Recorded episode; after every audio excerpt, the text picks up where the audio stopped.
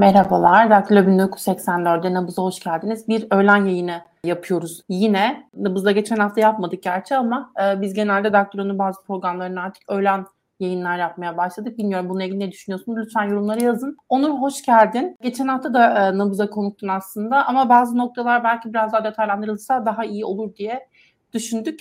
Ben de bu fırsatı e, verimli kullanmak istiyorum bu e, kısa süreli yayınımızda. İlk başta istersen şeyle başlayalım. Siyaset bilimcilerin yazdığı bir mektup var. Altılı Masa'ya yönelik onlardan bazı taleplerde bulunuyorlar. Bu taleplerden önemli olanlardan bir tanesi de aslında partilerin nasıl e, seçime gireceği, özellikle meclis seçimlerine nasıl gireceği. Senin burada altını çizdiğin çok önemli bir nokta var. Eğer iyi hazırlanılmazsa AK Parti ve MHP, Cumhur İttifakı çok daha az bir çoğunlukla meclisi e, meclise çoğunluğu sağlayabilir, meclisi domine edebilir ve bu da çok ciddi olumsuz sonuçlar yaratabilir. Bu neden bu kadar önemli? Yani Cumhur şimdi biz e, genelde bir algı var. Sistem o kadar Cumhurbaşkanlığına bağlı ki eğer muhalefet bir şekilde Cumhurbaşkanlığı seçimlerini kazanırsa meclis belki o kadar da önemli olmayabilir diye düşünülüyor. Bu gerçekten böyle mi? Ve seçimler ikinci tura kalırsa belki meclisi e, muhalefetin kaybetmiş olması, olası e, burada alacağı bir mağlubiyet nasıl etkiler yaratır? Neler söylersin? İlk önce bildiriden başlayalım. İkimiz de zaten imzaladık. Altılı Masa'nın Ekim ayındaki toplantısı bence önemliydi. O ikinci tura başlama toplantısıydı ve 15 günde bir toplanılacağı ve ortak program konusunda Ocak ayına varmadan bir duyuruyla çıkılacağı hedefi konmuştu. Fakat bu gerçekleştirilemedi ve erken seçim tartışmaları da başladı. Dolayısıyla seçimin Mart'a kadar çekilebilme ihtimalinden söz edilirken kamuoyu da telaşlanmaya başladı. Tabii bu telaşa şu da eşlik ediyor. Asgari ücret zammı, EYT müjdesi, istihdamda artış, işsizlikte düşüş gibi AK Parti oyunu artıran bir hikaye de söz konusu. Dolayısıyla burada altılı masanın biraz daha kamuoyu taleplerini dinleyip buna göre daha hızlı hareket etmesine yönelik sorular yöneltilmesi ihtiyacı doğdu. Biz de bunu toplantı öncesinde yani bu bugünkü 5 Ocak'taki toplantı öncesinde hızlıca yetiştirmek için bazı hocalar bir inisiyatif aldılar. Yani kendi networklerinde e, bunu hızlıca gerçekleştirebilmek için. Ben de yani şahsi olarak aynı kanaatteydim hocalarla imzaladım. Yani burada altılı masadan beklenti seçim stratejisinin ilk önce konuşulması. Yani tamam ortak program konusunda adımlar atılıyor ki onlarda da geç kalındı. Fakat erken seçim tartışılırken ve Erdoğan cephesi buna çok hazırken sadece iki parti e, olarak buradalar. Yani bu seçim atmosferinde mücadele ediyorlar. Ama karşı tarafta altı parti var. Başka partiler var, HDP var. Yani çok karışık bir tablo var. Bu karışık tablo zaten insanları ürkütüyor. Yani bu kadar ürkmüş bir kamuoyuna karşı biraz daha seri ve e, daha somut adımlarla gitmeleri için kamuoyundan bir e, yükselen çağrı gibi okunmalı. Hani buna pelikan bildirisi veya yani böyle dışarıdan müdahale gibi okumalarda bulunuldu ama hani bu bizim demokratik hakkımız tam Türkiye otoriter bir ülke olmayabilir ama biz demokratikleşmeyi savunduğumuz için ve bu alanda da çalıştığımız için demokratik hakkımızı kullandık. Açık kişiliklerimizle Pelikan bildirisinin açık bir imza yoktu mesela. Muhalefet ve iktidar tarafından üzerimize çizik atılma riskini de alarak bu imzaları attık. Yani benim görüşüm bu yönde. Çok çok acımasız e, bir ifade Pelikan bildirisi. Çok çok da sıkıntılı bir ifade. Bu yazılan hususlarla ilgili, mektupta bahsedilen hususlarla ilgili bugün de toplantı varken hali hazırda dolaylı olarak belki doğrudan olmasa da cevaben bazı gelişmelerin yaşanabileceğini öngörebiliyor, öngörüyor musun, bekliyor musun? Yani ben ne kadar alıcısı olduklarının farkın yani ne kadar e, bizim metnimizi ciddiye aldıkları konusunda açıkçası emin değilim. Ama sonuçta siyasi parti liderleri olmasa da milletvekilleri ve parti üyeleri bunları gördüler. Muhtemelen hani iletilmiştir. Yani benim umudum şu, umarım birkaç siyaset bilimci diye kenara atılacak bir bildiri olmaz. Zaten Altılı Masa'nın Ekim ayında ikinci turda bize paylaştığı hedeflerin gerçekleştirilmesi adına bir beklenti mektubuydu. Bu, bu, bu beklenti mektubu zaten altılı masanın hedefleriyle uyumlu. Yani bu hedefler kabaca parlamenter sisteme geçiş, ortak seçim stratejisi, seçim güvenliği ve kampanya. Dolayısıyla bu konularda yani eğer ki altılı masa tatminkar cevaplar vermiş olursa bu metinde direkt ya da dolaylı olarak amacına ulaşmış demektir. Umarım altılı masa da bu yönde e, adımlar atar ve seçim güvenliği, seçim ittifakı ve kampanya konusunda aday belirlenmese bile şu aşamada en azından kamuoyunun endişelerini giderebilecek bir yol haritası koymuş olur diye umuyorum açıkçası. Ben de metne imza atanlardan biri olarak aslında tartışmanın kendisinin çok önemli olduğuna inanıyorum. Tartışmanın gündemde e, kalabilmesinin çok önemli olduğuna inanıyorum ve e, burada aslında altılı masanın e, bir şekilde yürüttüğü müzakerelerin tamamen kamuoyuna açık şekilde ilerlemesi gibi bir derdim ya da muradım yok açıkçası. Çünkü siyasetin doğasında var tabii ki bu kimi hususların daha e, gizli şekilde yürütülmesi. E, çünkü ciddi bir rakip var, ciddi otoriter bir rakip var. Böyle bir muradım yok ama temel olarak aslında hangi kararın niçin alındığı ile ilgili daha somutlaşılmasının önemli olduğunu düşünüyorum ve burada aslında mektupta da çok dikkat çekildiği üzere hangi sebeple neyin yapıldığı yani bu özellikle küçük partiler küçük partilerin hangi sebeplerle hangi kararları aldığı meselesi adayın kim olacağı meselesinde bu e, liselerin nasıl bir yer tuttuğu meselesi bunların gerçekten tartışılması lazım. Tartışmanın kendisi önemli aslında. Mektuba imza atan insanların düşündüğünün uygulanmasından da öte bu tartışmanın kendisinin yapılmasının daha önemli olduğunu düşünüyorum. Ben naçizane. Şimdi o zaman şey tekrar dönebiliriz. Meclis aritmetiği meselesine, bunun neden önemli olduğu meselesine. Ve aslında geçen hafta siz birazcık değerlendirdiniz ama bunun önemli bir konu olduğunu sen ısrarla söylüyorsun ve e, az önce de bahsettiğimiz gibi çok küçük bir çoğunlukla dahi yani %50'yi bile görmesine gerek olmaksızın AK Parti ve MHP e, mecliste kendi lehlerine bir e, sonuç elde edebilirler. Burada biraz biraz önce de seçim ekonomisinden bahsettin aslında. Seçim ekonomisi bazı küçük şehirlerde inanılmaz iyi sonuçlar mı doğuruyor halk lehine? Doğurduğu sonuçlardan yola çıkarsak AK Parti'nin buralarda birinciliğini tekrar perçinleyeceğini ve oy arttırabileceğini öngörebilir miyiz? Ki bu da e, mevcut e, seçim sistemine göre, on sistemine göre aslında onlara avantaj sağlayacaktır dersek doğru söylemiş olur muyuz? Asgari ücret zammı büyük şehirler dışındaki taşra için çok tatmin yaratacak bir zam. Yani 8500 lirayla büyük şehirler haricinde kalan 51 ilde rahatlıkla olmasa bile en azından açlık, yoksulluk sınırının üzerine çıkabileceğiniz bir miktar. Büyük şehirlerde tabii tatminkar olmasa da önceki maaşa göre çok daha yüksek bir ücret ve bu birkaç ayda enflasyonun getirdiği artışı tolere edebilecek bir miktar. Zaten beklentilerin bir nebze üzerinde de bir zam geldi.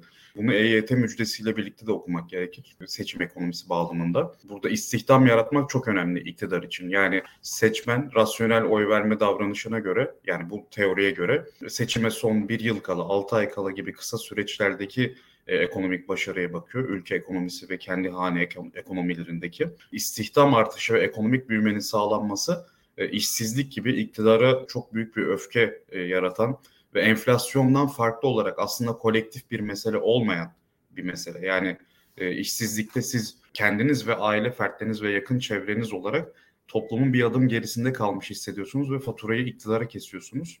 Enflasyonun etkisini giderdiğini zaten konuşmuştuk. İşsizliğin önüne de şöyle geçiyor. Zaten düşük faiz politikalarıyla bir şekilde çarkları döndürüyor. Yani üretim ve istihdam açısından ve EYT ile de e, birçok kişinin emekli olmasını sağlayarak yeni istihdam pozisyonlarını da açmış oluyor iktidar ve bu sayede işsizliğin önüne geçmek için bir hamle daha yapmış oluyor. Hem büyük şehirlerde hem de taşrada iktidara yarayacak bir şey. Zaten bizim son araştırmamızda da şu ortaya çıktı. E, AK Parti ve CHP arasındaki fark kapanmıştı yani birinci sıralı mücadelesi için. Fakat son araştırmamızda AK Parti neredeyse 10 puan önünde. Yani bu fark giderek de artabilir. Çünkü bizim araştırmamız asgari ücret zammı ve EYT müjdesinin öncesinde yapılmış bir araştırmaydı. Bunların pozitif etkisiyle birlikte AK Parti %35'in üzerine çıkmıştı zaten. %35-40 bandında ilerleyecektir. Orada kalıcı hale gelebilir birkaç aylık süre için ve zaten bu seçimde iktidar cenahı için yeterli bir süre. Burada muhalefetin ne yapabileceğini konuşacak olursak tabii ki seçim güvenliğini sağlamak ve seçimi kazanmak için e, stratejiler geliştirmek. Bu stratejinin en asli olanı ise ortak liste. Çünkü yeni seçim yasası partileri birbirine rakip haline getirdi. Bunun sebebi şu. Eskiden ittifak oyları işe yarıyordu. Mesela Saadet Partisi'ne oy verdiğinizde siz CHP'nin bir vekil daha çıkarmasını sağlayabiliyordunuz. Çünkü ittifaklar üzerinden değerlendirilen bir sandalye dağıtma esası vardı. Bunu kaldırdı ve parti esasına geri dönüldü ve tüm partiler ittifakta olsun veya olmasın, aynı ittifak içinde olsun ya da olmasın birbiriyle rakip haline geldiler. E, bunun önüne geçmek için ittifaktaki partilerin ortak listeyle kritik seçim bölgelerinde seçime girmeleri gerekiyor. Seçim yardımı için her partinin en az 41 ilde kendi logosuyla seçime girmesi gerekiyor. Zaten kritik il sayısı bu kadar yüksek değil. 41 kritik olmayan ilde partiler ortak liste halinde girmesine zaten gerek yok. Diğer kritik illerde ise ortak liste stratejisini izleyip, izleyip en azından Cumhur İttifakı'nın her parti kendi listesiyle girdiğinde %43 ile kazanması veya Cumhur İttifakı'nın tek liste altılamasının ayrı ayrı halde girdiği muhalefet için en kötü senaryo olarak nitelendirebileceğimiz e, senaryoda %41 gibi çok düşük bir oy oranıyla kazanmasının önüne geçmesi için e, altılı masanın tek liste en ideali o tabii. En kritik illerde tek listeyle yarışması. Belki farklı modeller denenebilir. İşte CHP İyi Parti bir ayrı liste yapabilir. Yerine göre Deva Saadet Genç Gelecek Partisi bir liste yapabilir. Bu tabii ihtimaller dahilinde ama en iktidar aleyhine ve muhalefet lehine sonuç verebilecek ittifak stratejisi, ortak liste stratejisi, stratejisi altılı masanın tek parti gibi hareket ederek tek listeyle kritik illerde seçime girmesi. Bu senaryoda ancak Cumhur İttifakı'nın çoğunluğu bulma barajı %41'den %46'ya çekilmiş oluyor yaklaşık. %45,5-46 bandına çekiliyor. Yani 4-5 puanlık bir avantaj yaratmış oluyor kendi muhalefet bu sayede. Ama geldiğimiz noktada zaten Cumhur İttifakı %43. Yani yarın bir seçim olsa Cumhur İttifakı e, kendi listesi veya ayrı ayrı girse, altılı masa ayrı ayrı girse zaten meclis çoğunluğunu elde ediyor. Bizim tüm illerin sosyoekonomik ve politik verilerini kapsayan araştırma modelimize göre. Dolayısıyla burada artık alarmın yanmaya başladığını söyleyebiliriz muhalefet aleyhine. Kaç kritik il var sayı olarak toplamda? 41'den az az e, olarak. Yani şu an tam rakamı hatırlamasam da 30'dan az 20'den fazla gibi hatırlıyorum. 20 ile 30 arasında kritik il. Burada senin e, bahsettiğin öneri yani tek liste önerisi sadece bu iller için mi e, geçerli? Tabii ki çünkü şimdi yeni kurulan partiler seçim yardımı alamıyorlar. Seçim yardımı alabilir, alabilmeleri için yasa gereği 41 ilde kendi listeleriyle seçime girmeleri gerekir. O 41 ilde en az 41 ilde kendi listeleriyle seçime girmelerinde bir sorun yok. Yani böyle birçok il bu nitelikte sayılabilir. Mesela örnek vereyim Artvin. Yani Artvin'de e, muhalefet önde ama Artvin'de iki milletvekili çıkıyor. Zaten muhalefetin ikisinin de kazanması için %75 gibi astronomik bir oy oranına ulaşması lazım. Bu da pek mümkün gözükmüyor. Mesela Artvin gibi birçok il var. İki ya da üç milletvekilinin yer aldığı ve e, milletvekili dengesinin değişmesi için muhalefetin beklenmedik çok yüksek oranlarda başarı göstermesinin gerekli olduğu illerde partiler ayrı ayrı seçime girebilirler. Yani burada tabii CHP ile İyi Parti'nin rekabet halinde olduğu ve birbirlerini engelleyip Cumhur İttifakı'na vekil kazandırma ihtimalleri olan iller de var. Tabii orada bu denge gözetilir diye tahmin ediyorum. Ama dediğim gibi zaten 41 ilin fazlasında partilerin birbiriyle rekabetinin muhalefet aleyhine çalıştığı bir kritik durum söz konusu değil. Bu illerde kendi başlarına liste yapıp diğer kritik illerde ortak liste stratejisi, stratejisiyle ilerlemeleri halinde muhalefetin meclis çoğunluğunu kazanma ihtimali güçleniyor. Özgür Bey'in bir sorusu var. HDP kapatılırsa ve HDP hedefleri 2019 seçimleri gibi CHP desteklerse aritmatik nasıl olur? Parazi bir soru. Yani tabii ki yani HDP oylarının CHP'ye kanalize olabilme ihtimaline kadar bunu düşünmek gerekir. HDP'nin oyları CHP'ye kanalize olabilirse ve bu iktidar anti propagandasının etkisiyle iktidar oylarında konsolidasyona yol açmazsa bu muhalefet için çok büyük bir başarı olarak görülebilir. Yani burada CHP'nin yaklaşık belki de yüzde kırkları aşacak bir parti olarak AK Parti'nin de birinciliğini elinden alıp DON sisteminin birinci partiye sağladığı avantajı bu kez CHP'nin lehine gördüğümüz ve bahsettiğimiz tüm dezavantajların bu kez Cumhur İttifakı aleyhine yaşandığı bir senaryo ortaya çıkar. Yani ama burada şunu öngör, öngörmek gerekiyor. Ne kadar e, HDP seçmeni CHP'ye kanalize olur ve iktidarın işte CHP, HDP yan yana aynı listeler propagandası ne kadar etkili olur ve kendi saflarında konsolidasyon ve kararsız sağ seçmenlerin kendilerine yaklaşmasını sağlayan bir söyleme dönüşür. Bundan açıkçası çok emin değilim ama bence tabii ki düşünülebilecek bir strateji. Çünkü Özgür Bey'in de belirttiği üzere aslında bu model izlendi yani büyük şehirlerde HDP seçmenleri milliyetçi adaylara bile yani Mansur Yavaş örneğini düşünebiliriz mesela Mansur Yavaş'a team verileriyle yani benim hatırladığım kadarıyla başka araştırmalarda da böyle şimdi tim verisini tam hatırlamıyorum ama sandık bazlı analizlere göre %70'in üzerinde HDP desteğinin biz Mansur Yavaş'a desteğini gördük. Ee, Ekrem İmamoğlu'na İstanbul'daki ilk seçimde yaklaşık %80, ikinci seçimde de %90'ı aşan bir oranda HDP'nin CHP'li adaya desteğini gördük. Bu denenmiş bir model olduğu için tabii ki başarı şansı da düşük değil. Ama dediğim gibi HDP'nin kapatılacağı bir ortamda İyi Parti'nin alacağı refleks çok önemli. Yani İyi Parti burada daha demokratik bir duruş sergilerse yani 2019 yerel seçimlerinden önce bazı illerde tartışmalar vardı aralarında. E, fakat genel olarak hani bu stratejiye çok da ses çıkarmadı İyi Parti ve destekledi yani kazanan tarafta yer aldı. İyi Parti tamamen demokratik bir söylemi benimserse ben bu formülün uygulanabileceğini düşünüyorum. Çünkü biz şimdi farklı araştırmalarda doğudaki lider ve parti desteklerini incelediğimizde büyük bir teveccüh var CHP'li isimlere. Yani zaten Ekrem İmamoğlu, Kemal Kılıçdaroğlu artık çok kabul görmüş isimler HDP seçmeni arasında. Mansur Yavaş bile tarafsız, sakin, mutedil imajıyla e, HDP'lerin beğenisini kazanmış bir isim. Dolayısıyla ben CHP'li adayların kağıt üzerinde HDP'den e, destek alma konusunda çok zorlanmayacağını düşünüyorum. Ama dediğim gibi bu iktidar kampanyası ve muhalefetin vereceği yanıtlar nasıl gelişti, muhalefet birlikteliğini koruyabilir mi?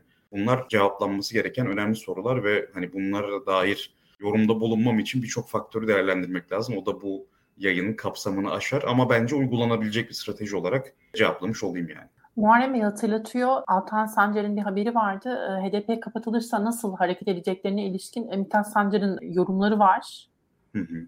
O haberden yani, mi? Ben emin değilim ama benim e, bugün okuduğum bir yerden anladığım ve öğrendiğim kadarıyla e, onlar hazırlamışlar bu senaryo, hazırlarmış bu senaryoya. Bir başka parti üzerinden katılabileceklerini söylemişler. Onu Hı-hı. not düşmüş olalım. Ben aslında şeyi derinleştirmek istiyorum biraz daha bu tek liste meselesi özelinde. E, burada illaki bir partinin tek listesi olmak zorunda diye konuşmuyoruz sanırım değil mi? Mesela 20-30 tane riskli ilden bahsediyor olalım her neyse. Mesela bir tanesinde varsayalım ki Diyarbakır'ı Deva'nın listesinden gösterilen adayların olduğunu konuşuyor olalım. İşte riskli bir il olarak mesela şey olsun, e, Kayseri olsun. E, Kayseri'de İyi Parti'nin listesi. Bu, bu tip varsayımlardan bahsediyoruz ama bunların iyi ve teker teker çalışılması gerektiğini önemini vurguluyoruz sanırım. Doğru anlıyorsam eğer. Yani burada benim şahsi fikrim şu. Ben yerel seçim tecrübemizden hareketle konuşayım. CHP adayıyla yarışıldığı yerel seçimde muhalefet çok başarılı oldu. Yani şimdi hatırlayalım 11 tane büyükşehir belediyesi kazanıldı ki İstanbul sürprizdi ve Adana, Hatay gibi yerlerde de çok büyük farklarla kazanıldı. Antalya'da keza. Mansur Yavaş mesela İyi Parti değil CHP listesinden girmeyi kabul etti. Bu da şuna işaret ediyor. Aslında en bilinen, en güçlü partinin listesi her zaman daha güvenli. Her zaman istisnalarını sayalım. Onlar da şunlar. Örnek veriyorum. Yani Doğu illerinde mesela CHP'nin çok düşük oy aldığı iller vardı 2018'de. Eğer bu senaryo devam ediyorsa CHP listesi riskli olabilir. Ama bizim gördüğümüz üzere CHP doğuda güçleniyor. Yani mesela orada Deva'nın listesi yerine CHP'nin listesinin kabul edilmesi, o, o liste üzerinden ilerlenmesi hem CHP'nin birinci parti olarak e, sembolik şekilde muhalefetin kazanmasına dair algı hem de birçok ilde daha avantajlı olması nedeniyle bence CHP listesi daha mantıklı ki şunu da hatırlayalım. Mesela Bursa'da neredeyse CHP kazanmak üzereydi ki Bursa'da %55 evetle e, referandum geçmişti 2017'de. İki sene sonrasında neredeyse e, 48'e 48 bitebilecek bir seçim vardı ama mesela milliyetçi oyların, seküler milliyetçi veya işte daha Atatürkçü milliyetçi oyların yüksek oranda olduğu kabul edilen Balıkesir, Denizli, Manisa gibi illerde İyi Parti kazanamadı ve fark yiyerek kaybetti. Dolayısıyla burada şu önemli, İyi Parti hala yeni bir parti. CHP 100 yıllık bir parti parti bilinirliği ve partinin o birleştiriciliği çok önemli. Yani sonuçta şu hep unutuluyor. Tamam şu an Kemal Kılıçdaroğlu ile birlikte işte ye CHP argümanıyla CHP sanki Atatürkçülükten uzaklaşmışçasına bir tartışma sürse de aslında CHP Atatürk'ün partisi ve yani Atatürk ülkedeki 10 seçmenden 8-9'unun saygı duyduğu, sevdiği bir figür. E, dolayısıyla CHP daha kapsayıcı aslında. Yani hem Kürtlerden oy alabilen hem zaten kendi seçmeninden oy alabilen, kendisinden kopmuş olan milliyetçilerden veya merkez sağ seçmenden de oy alabilen bir parti hüviyetinde. Tabii ki burada İyi Parti'nin de kendini öne çıkarmak istediği iller olabilir. Bunlar CHP ve İyi Parti arasında sağlanacak diyalog kanallarıyla tartışılabilir. Bu zemin ne kadar oluştu ben emin değilim. Yani burada Kemal Kılıçdaroğlu ve e, Meral Akşener'in görüşmesi çok önemliydi. Çok sevindirici bir gelişmeydi. Umarım CHP ve İyi Parti altılı masanın lokomotif partileri olarak ortak liste stratejisini geliştirme yolunda emin adımlarla devam ederler yollarına. Çünkü İyi Parti olmadan ortak liste stratejisi aslında yok demektir. Yani CHP, DEVA, diğer partilerin birlikteliği yeterli değil. Çünkü diğer partilerin oy oranı çok düşük. Burada peki yeniden Refah, Zafer, Memleket bu partilerin ortak liste durumlarında kendilerine bir oy değiştirme şansları olur mu? Bu olasılık artar mı? Bununla ilgili ne söylersin? Çünkü hep konuşulur ya işte CHP'ye eli gitmeyen e, tırnak içinde işte muhafazakar böyle bir seçmen grubunun olduğu var iddia edilir hep. Belki de doğrudur ve bu yeni partilerle birlikte e, özellikle ya da işte e, tersinden söyleyelim Saadet eli gitmeyen, İyi Parti'ye eli gitmeyen her neyse bunlar alternatifler arama peşinde düşerler mi? Hem de bu yeni partilerin varlığı düşünüldüğünde. Şöyle söyleyeyim ben size. Şimdi yeniden Refah Partisi zaten aslında AK Parti'den kopanların, MHP'den, Saadet'ten kopanların daha çok yöneldiği bir parti. Yani muhalefet canından daha az oy alan bir parti. Diğer partiler ise aslında e, seçimde milletvekili kazanma amacıyla değil, liderlerin kendilerini bir aktör olarak siyaset sahnesinde kabul ettirebilme, devam ettirebilme amacıyla kurulmuş partiler. Yani Ümit Özdağ hem MHP ve İyi Parti'den hem de İyi Parti'den e, ihraç edilmiş bir isim. Muharrem İnce de CHP'den ayrılmış bir isim. E, onların siyasi hayatta, siyasette hayatta kalabilmesi için kurulmuş partiler. Bir ölçüde de karizmatik ve otantik liderler. Hani destekçi toplayabilen, en azından dijital milliyetçi ve Atatürkçü kesimlere ulaşabilen isimler.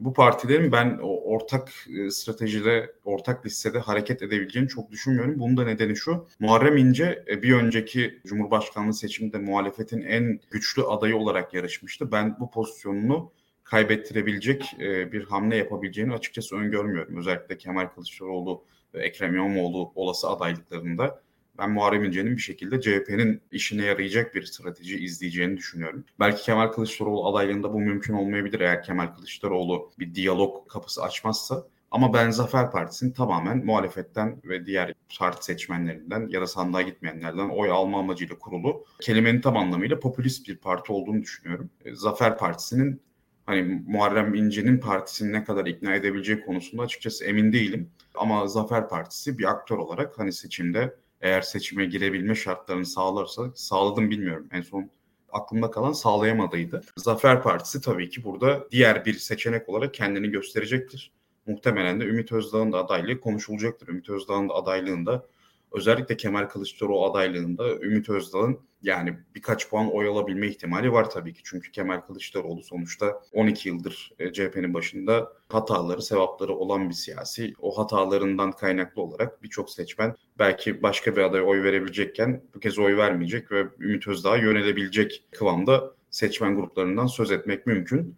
E, o senaryoda tabii ki Zafer Partisi kendini gösterecektir. Ama dediğim gibi seçim stratejisi ve ortak liste konusunda ben kendilerine partner bulmasının çok çok olası görmüyorum tabii çok çok ciddi riskler oluşturmayacağını belki e, öngörebiliriz. Eğer muhalefet e, o gereken birliktelik görüntüsünde sağlarsa muhalif seçmen de Erdoğan'dan kurtulma iradesini ortaya koymak için belki daha heyecanlı ve istekli olacaktır Hı. diye tamamlayabiliriz. Son bir iki cümle varsa alayım. Zamanımızı da aşmamış oluruz böylelikle. Yani Zafer Partisi'nin şöyle bir altılı masa perspektifinden bakacak olursam şöyle bir riski var. Ee, Zafer Partisi genç seçmenlere kolaylıkla erişebiliyor ve genç seçmenlerde partizan oy verme davranışı o kadar da kimlikleşmiş değil. Mesela yaş ilerledikçe Erdoğan karşıtlığı, Erdoğan destekçiliği daha sabit kalıplara oturuyor veya bir CHP'li kimliği ya da İyi Parti'ye yakın olma veya milliyetçi olma birçok ideolojik, kültürel, partizan kimlik, liderci kimlik yaş geçtikçe oturuyor. Gençken e, daha rahat savrulabiliyor insanlar. Son gün alternatif oy olarak yani muhalefetin ortak adayı kimse veya partilerden birine yönelik bir kızgınlık Zafer Partisi'ne oya kolaylıkla dönüşebilir. Bu neden bir risk? Örnek veriyorum Kemal Kılıçdaroğlu adaylığında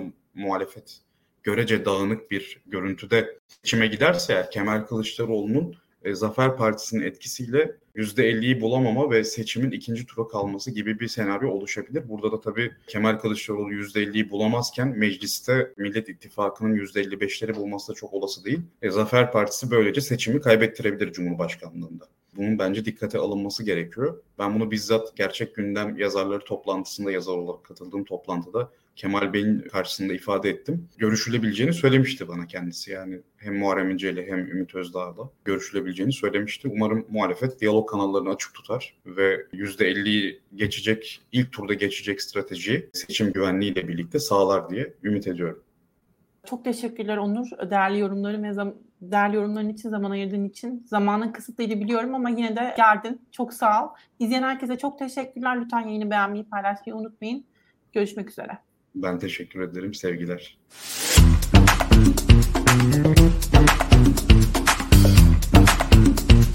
Thank you.